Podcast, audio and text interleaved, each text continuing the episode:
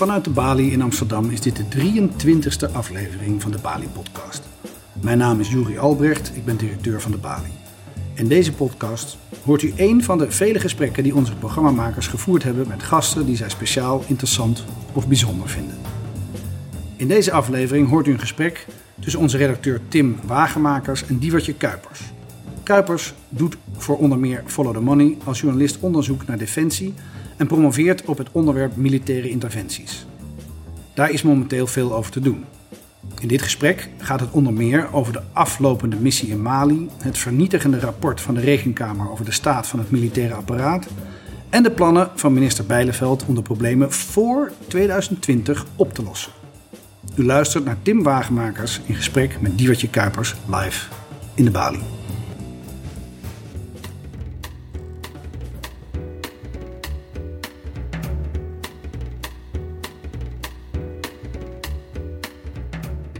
Ik moet zeggen, ik uh, schrok een beetje toen ik wat dingen ging lezen over Defensie. Ik heb het even opgeschreven. Uit het jaarverslag van 2017 alleen al blijkt te weinig personeel, geoefendheid landstrijdkrachten blijft achter, veel incidenten rondom de eh, fysieke en sociale veiligheid, te weinig materiaal. De NAVO die zegt dat onze slagkracht te laag is. De Rekenkamer die zegt dat de missie in Mali één grote improvisatieshow is. Wat een puinhoop is het daar. Nou ja, het is eigenlijk het, uh, het product van decennia lang bezuinigen op een organisatie, enerzijds. Uh, dat wordt ook door uh, experts ook wel vaak hè, het vredesdividend genoemd. Want in tijden van vrede is het natuurlijk heel erg moeilijk om de politiek te bewegen dat de ja. krijgsmacht überhaupt nodig is, of dat daar meer geld voor nodig is. Ja, en als je dat maar lang genoeg volhoudt, ja, dan moet je toch op een gegeven moment keuzes gaan maken, politiek gezien.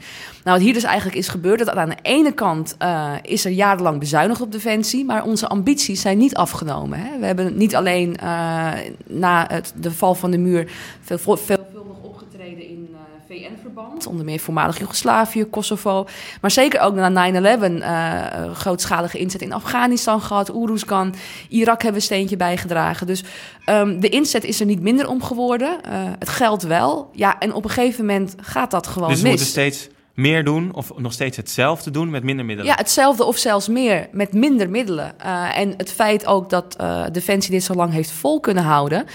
Um, dat is, ja, militairen noemen dat zelf uh, de can-do mentaliteit. Hè. Geef een militair een rolletje plakband en dan MacGyvert zo een missie ja, bij elkaar. die linksom gaat doen. Maar ja, ja, precies. Maar als jij dat dus vaak genoeg doet, want dit doe je eigenlijk... Hè, uit noodsituaties in een uitzondering. Maar als die uitzondering de regel wordt, dan geef jij natuurlijk ook als organisatie het signaal af aan de politiek dat je het ook best wel kan zo, met niet zo heel veel middelen.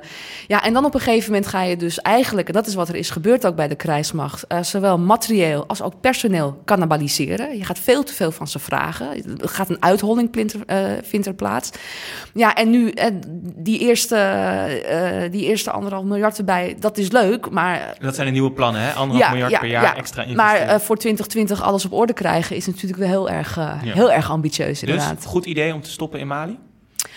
Ik denk dat het zeker uh, een goed idee is. Uh, het is ook binnen Haagse kringen ook niet echt heel erg verbazingwekkend. Uh, er bestonden al heel lang zorgen over het zogeheten voortzettingsvermogen van de ja. missie. Hoe lang dus kan je het volhouden? Hoe lang kan je het volhouden? We kunnen er wel heen, maar een mandaat wordt om de zes maanden, of drie maanden of een jaar, hangt er een beetje van af.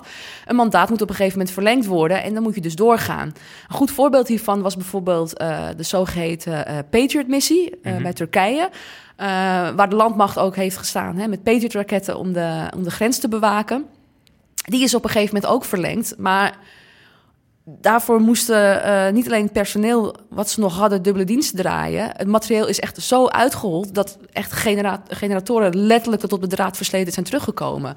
Uh, dus een beetje en dat, dat beeld van oefenen met pang-pang in plaats van. Uh, ja, maar dan ook op missie. Hè? Dat je echt, als je echt alles het op de draad toe uh, verslijt, dan heb je een herstelperiode nodig. En die moet je de organisatie ook gunnen. dus ik denk dat het ook heel goed is dat dat terugtrekken van die troepen in Mali. Uh, ook wat de Algemene Rekenkamer uh, ook naar voren heeft gebracht. Je moet ook een, een periode van herstel uh, in, inplannen. Dat wordt nu gedaan. tegelijkertijd snap ik ook wel weer de uitbreiding naar Afghanistan. omdat netto is dat natuurlijk met minder personen. Hè. Het is een, een uitbreiding van enkele tientallen personen. Terwijl er in Mali zaten we met 250 man. Uh, dus onder de streep is het uh, 190 personeel minder wat in missiegebied actief is. Dus dat drukt het al. En daarnaast is het ook een missie die al heel lang loopt. Met een partner Duitsland, waar we al heel veel mee samen hebben gewerkt.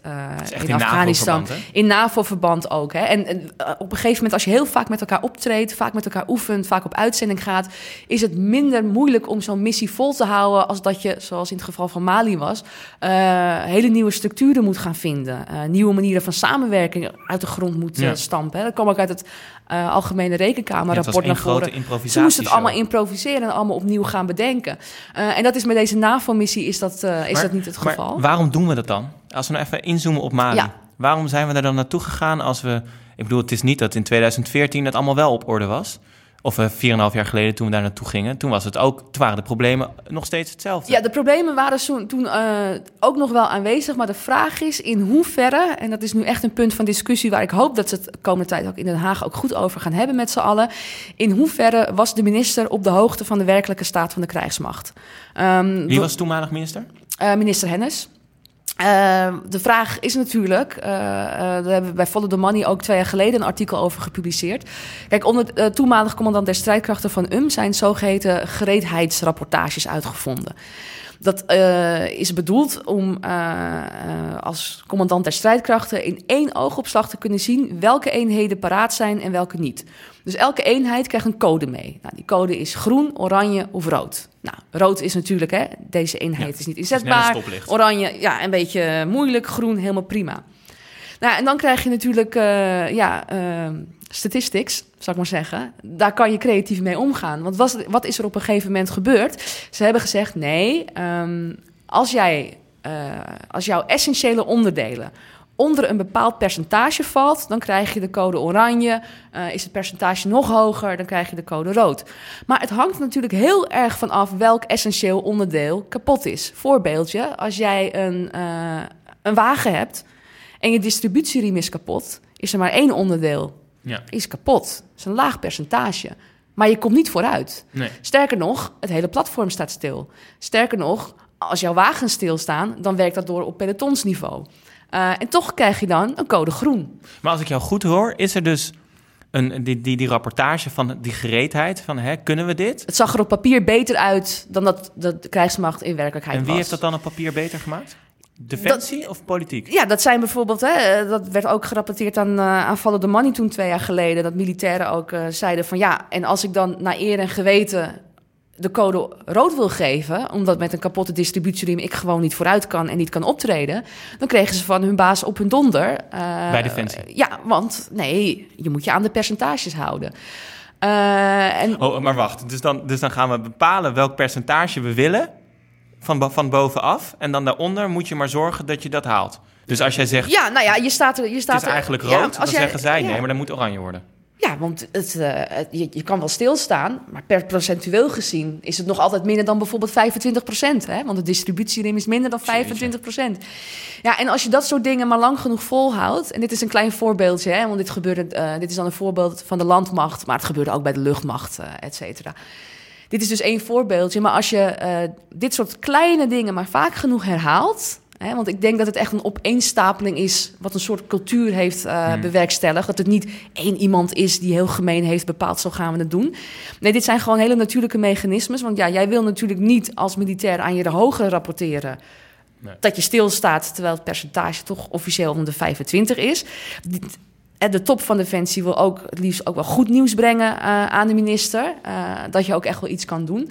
Nou, als je dat maar vaak genoeg herhaalt, dan ga je eigenlijk naar de situatie toe. En dat was ook onze conclusie in 2016. Van, dan krijg je op papier een hele andere krijgsmacht dan je daadwerkelijk hebt. Maar het klinkt als een hele ongezonde verhouding tussen defensie en de politiek. Want eigenlijk wat je zegt, tenminste ik hoorde je zeggen, zij willen heel graag goed nieuws brengen naar de beleidsmakers die zeggen Kijk, iedereen weet natuurlijk dat het, het leger, dat zij en het ook die can-do-mentaliteit, die wil uitvoeren wat de politiek belangrijk vindt. En je wil niet overbodig worden, want als jij ook op een gegeven moment zegt: nee, we kunnen niet, nee, we kunnen niet, nee, we kunnen niet.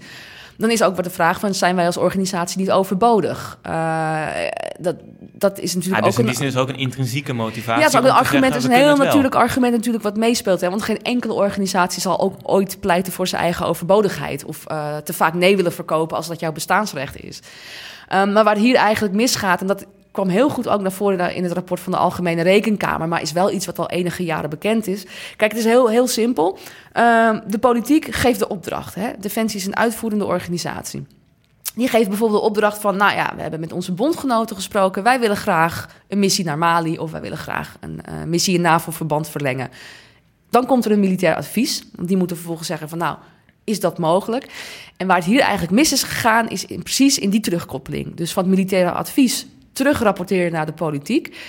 Er is onvoldoende transparantie geweest over, oké, maar wat is het effect van deze beslissing? Dus niet alleen van A, kan je het fixen, maar B, in hoeverre werkt het door op de organisatie, uh, personeel en materieel, maar ook op de financiën. Uh, wat je ook zag in het rapport van de Algemene Rekenkamer, is dat eenheden werden samengesteld uit andere eenheden en die weer uit daaronderliggende eenheden, waardoor je uiteindelijk wel een eenheid kan leveren, maar daardoor met maar allerlei heeft brokjes... dat dan niet goed teruggekoppeld? Uh, vanuit militaire advies denk ik niet. Nee, nee, dat is niet transparant genoeg geweest. Uh, want ik denk wel inderdaad, hè, op het moment dat jij helder zegt van um, dit is het effect en je weet dat het politieke antwoord dan nee zal zijn, is het belang natuurlijk wel ja. wat groter om dat zo te houden. En het is ook toegegeven hoor, ook vanuit de defensietop. Hè, de nieuwe commandant der strijdkrachten, uh, Rob Bauer, die zei ook wat dat betreft heel erg terecht van mocht er een politieke vraag komen en het niet kan het niet, dan zal ik gewoon nee zeggen. En het feit dat kan hij dat waarmaken? Um, ik hoop het wel. Dat moet, nog, uh, dat moet natuurlijk nog blijken. Uh, ik denk wel dat hè, met het, uh, het rapport van de Algemene Rekenkamer... dat in ieder geval de politiek dat niet naast zich neer heeft gelegd. Um, en, en ook de argumentatie die onder het uitbreiden van Afghanistan ligt... die is, zal ik maar zeggen... ja, moet ik zeggen, deugdelijker dan dat je voorheen ja. had kunnen verwachten. Dus je ziet wel een verbetering ontstaan... Het kan ook niet anders op een gegeven moment. Op een gegeven moment moet je ook echt wel die stappen ondernemen. Uh, maar er is in het verleden natuurlijk wel eens gebeurd dat een rapport van de Algemene Rekenkamer, ja, dat het een beetje ja. uh, wordt, nou ja, wordt weg. En maar, in dit geval dus niet. Dus dat vind ik een heel goed teken alvast. Het lijkt me wel lastig, want je werkt bij Defensie, je wordt naar Mali gestuurd. Er is best een hoop gebeurd in die 4,5 jaar. Er zijn vier militairen overleden. Vorig jaar zei uh, Halbe Zijlstra nog dat we echt daar eerst Mali op poten moesten zetten. Dat die het zelf ja. voor hun eigen veiligheid konden zorgen. En dan ja. hoor je nu als een van die 250 militairen...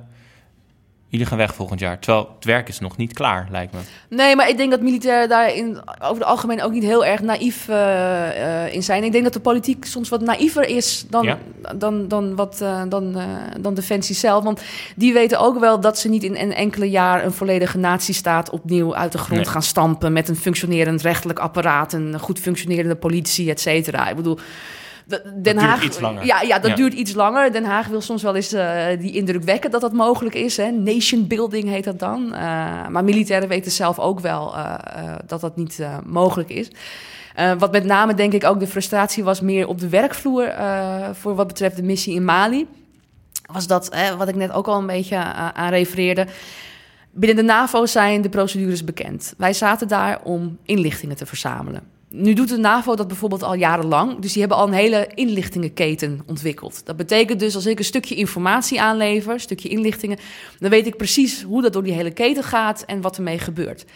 De VN is pas sinds enkele jaren bezig om ook zo'n inlichtingenketen te ontwikkelen. Dus eigenlijk moest het wiel opnieuw worden uitgevonden. In Mali bedoel je? In Mali. Ja. Dus wat er gebeurde was dat Nederlanders... en dat is wel, daar zijn we toch best wel goed in... want uh, inlichtingen verzamelen gebeurde niet alleen via special forces... maar ook antropologen die meekijken, terreinspecialisten, geografen. Dus een heel multidisciplinair team was daarmee bezig... om die informatie ook om te zetten in bruikbare inlichtingen. Maar op het moment dat jij dat in de keten gooit... en het blijft ergens hangen ja. En je hebt, na zes maanden heb je bijvoorbeeld een roulatie. Hè? Je hebt ook mensen bijvoorbeeld gehad die meerdere malen zijn uitgezonden geweest. Dan moet je voorstellen dat je er bent geweest. Nou ja, je hebt de inlichtingen verzameld en in die keten omhoog gegooid. Er zijn wat problemen, die probeer je op te lossen. Kom je terug, blijken weer precies dezelfde problemen nog steeds ja. te bestaan. Omdat er heel veel moeite is om die keten op gang te krijgen. Ja, en dan kan je natuurlijk wel begrijpen dat dat op de werkvloer uh, voor frustraties zorgt. Ja. Uh, hetzelfde ook was hè, de rol van buitenlandse zaken met name ook uh, in deze missie. Want dit was natuurlijk wel ook, hè, met name voor Bert Mr. Mali Koenders ook een, een missie waar die...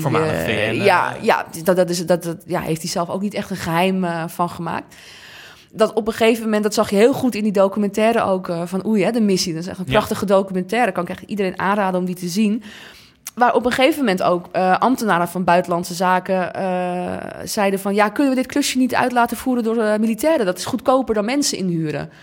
Ja, werden ze gewoon ingezet voor iets waar ze eigenlijk niet uh, voor waren bedoeld. En, en ook dat zorgt voor uh, een bepaalde maar eigenlijk frustratie. zeg je best wel heftige dingen, want je zegt dat de politiek naïver is dan de militairen. Ja, dat, dat, dat denk ik wel. Dat buitenlandse ja. zaken denkt, uh, zij zijn goedkoper, laat hun het maar oplossen ja. daar. Ja, of naïef, dat is... In sommige opzichten zijn ze naïef, maar tegelijkertijd spelen er ook politieke belangen een grote rol. Ja, precies. Je weet hè? niet je, zeker of ze echt geloofden in die nation building of dat ze dachten, dat moeten we precies. doen omdat dat internationaal van ons gevraagd wordt. Precies, want het hetzelfde was bijvoorbeeld hè, de missie in Oeruzkan. Bijvoorbeeld GroenLinks, uh, uh, die toen allemaal eisen ging stellen ook. Hè, met Jolande Ja. Sap, die ook zei, ik kan zo de stekker eruit trekken. Oh ja, dat die waren, er ook goed, ja, hè, ja, ja. Ja. Die, wa- die was zich heel erg bewust van de positie die zij had. Want de regering wilde heel graag uh, die missie door laten gaan. En zij kon voor die meerderheid zorgen en dus ook eisen stellen. Ja, en die eisen bleken natuurlijk achteraf op de werkvloer uh, toch wel wat lastiger uit te voeren zijn. Militairen noemen dat ook wel um, de, de 100 kilometer lange schroevendraaier uit Den Haag. Waarvan op afstand een beetje wordt gemicromanaged op wat ze daar moeten doen. Um, je kan je afvragen van... Um, ja, wist mevrouw Sap ook zelf ook wel dat een hele staat uit de grond stampen niet met die missie en die kleine bijdrage bewerkstelligd kon worden?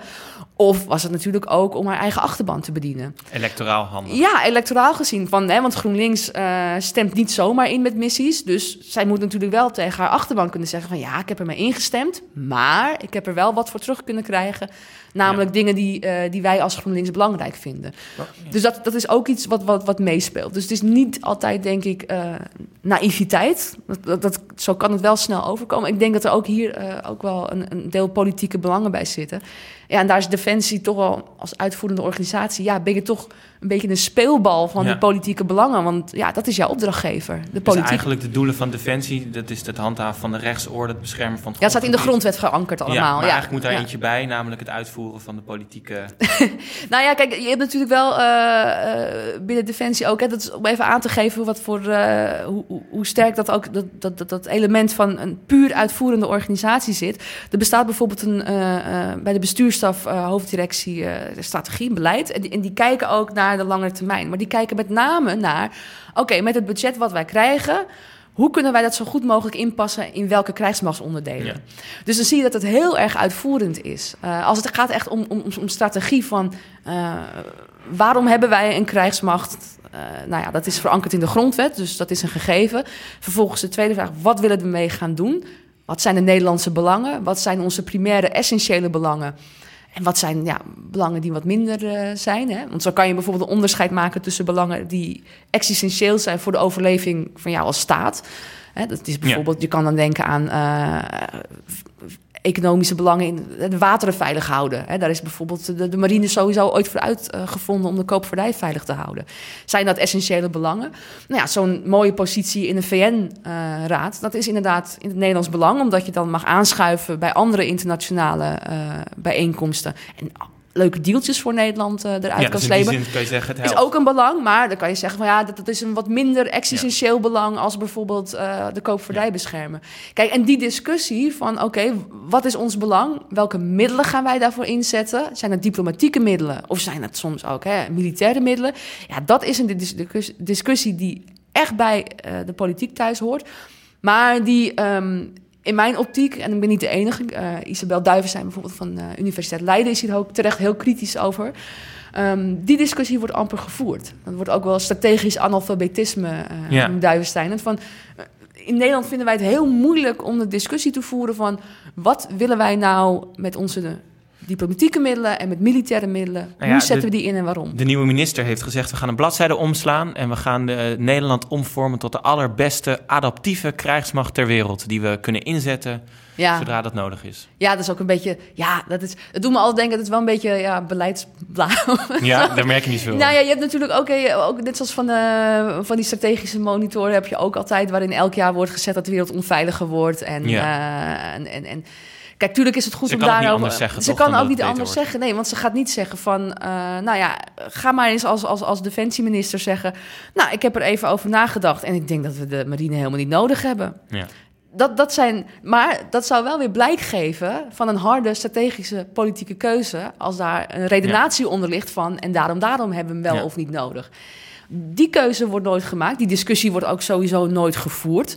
Uh, en, en, en dan ja, rest jou niks anders dan te zeggen van we gaan ons aanpassen, want de wereld om ons heen is veranderd. We moeten ook denken aan cyber. We moeten ook denken aan. Ja, ja, dat mag ik hopen, nogal wie dus. Dus dat zijn wat dat betreft een beetje open deuren die dan uh, één keer in de VIA worden opengetrapt. En, ja. en als we nou de komende jaren, dan komt er weer zo'n vraag van uh, willen jullie ons helpen op missie uh, hier en hier en hier? Mm -hmm.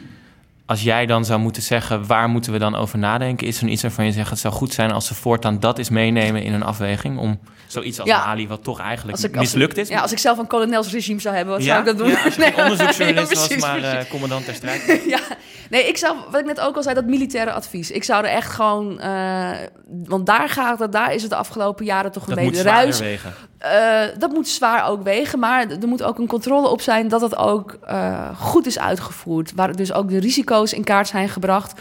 Uh, en dus ook transparant en inzichtbaar is van... oké, okay, we kunnen deze missie doen. We kunnen hem x maanden lang volhouden. Maar daar hebben we dit personeel voor nodig, dit ja. materieel. De herstelperiode is X, weet je wel. Dus als je bijvoorbeeld hè, bepaalde, uh, ik noem maar wat, Apache-helikopters uh, inzet... die overigens binnenkort ook aan een opknapbeurt toe zijn. Hè. Wat zijn de effecten daarvan? Uh, wat is het effect van het terrein op het materieel? Dat zijn ook dingen hè, die in het Algemene Rekenkamerrapport naar voren kwam. Die analyse moet heel zuiver worden gemaakt. en dan is de krijgsmacht, denk ik, als uitvoerende organisatie ook optimaal. Omdat ze dan inzichtelijk maken voor de politiek van... dit zijn de consequenties van jouw keuze... En daar zal dan ook uit blijken van. Als de politiek het onmogelijke vraagt, blijkt dat ook uit dat advies dan. Dat is eigenlijk een omkering. Je bent niet langer de, de, de, de, de toolbox waar ze een beetje iets uitzoeken wat past bij wat ze willen. Maar je kijkt naar wat je hebt. Ja, je, je gaat gewoon de doen. vraag in kaart brengen. Oké, okay, dit is je vraag, dit is ons advies. En nou ja, zoals ja. commandant de Zuid-Krijger Bauer ook al zei als dat een onmogelijke taak is, zal ik dat inderdaad ook zeggen. En ik denk dat dat echt heel erg belangrijk is. Uh, dat je zegt tegen de politiek: alles leuk en aardig. We willen het best doen, maar dit zijn wel de consequenties ervan. Tot slot zie je ook dingen waarvan je denkt, hè, want we zijn nu vrij kritisch op defensie en hoe dat gaat. Maar zie je ook dingen waarvan je zegt dat is een goede beweging. Daar zijn ze nu wel echt uh, van doordrongen en dat gaat de goede kant op. Nou, de herstelperiode is echt wel ingegaan. Hè. Er wordt bij uh, ook de landmacht zijn ze vooral bezig om de reserveonderdelen weer op peil te krijgen. Zelfs op zo'n uh, snelheid gaat dat af en toe dat ze soms moeite hebben om die ook weer te categoriseren. Want ja, ja die moet toch in één keer heel veel uh, logistiek gaan regelen. Uh, de munitietekorten komen weer op peil. Dus dat herstel is al, is al ingezet. de M-fregatten worden vervangen. Dan krijg je nieuwe onderzeeboten. Dat waren dingen die toch echt wel nodig zijn. Nou, hetzelfde ook met de Apache-helikopter dus je ziet dat die keuzes echt al gewoon uh, goed worden gemaakt. En dat er wel echt is naar gekeken. Oké, okay, wat is nou echt essentieel, wat nu echt op orde moet. Um, dus dat is iets wat, we, wat, wat goed gaat. Uh, en wat ik ook zei, um, ja, het terugtrekken uit Mali en het serieus nemen van het Algemene Rekenkamerrapport. Ja. zie ik ook als een van die tekenen dat de periode ja. van herstel, maar ook meer transparantie, hopelijk toch wel een beetje is ingezet. En verder gaat het gewoon volgen de komende Zeker. Dankjewel.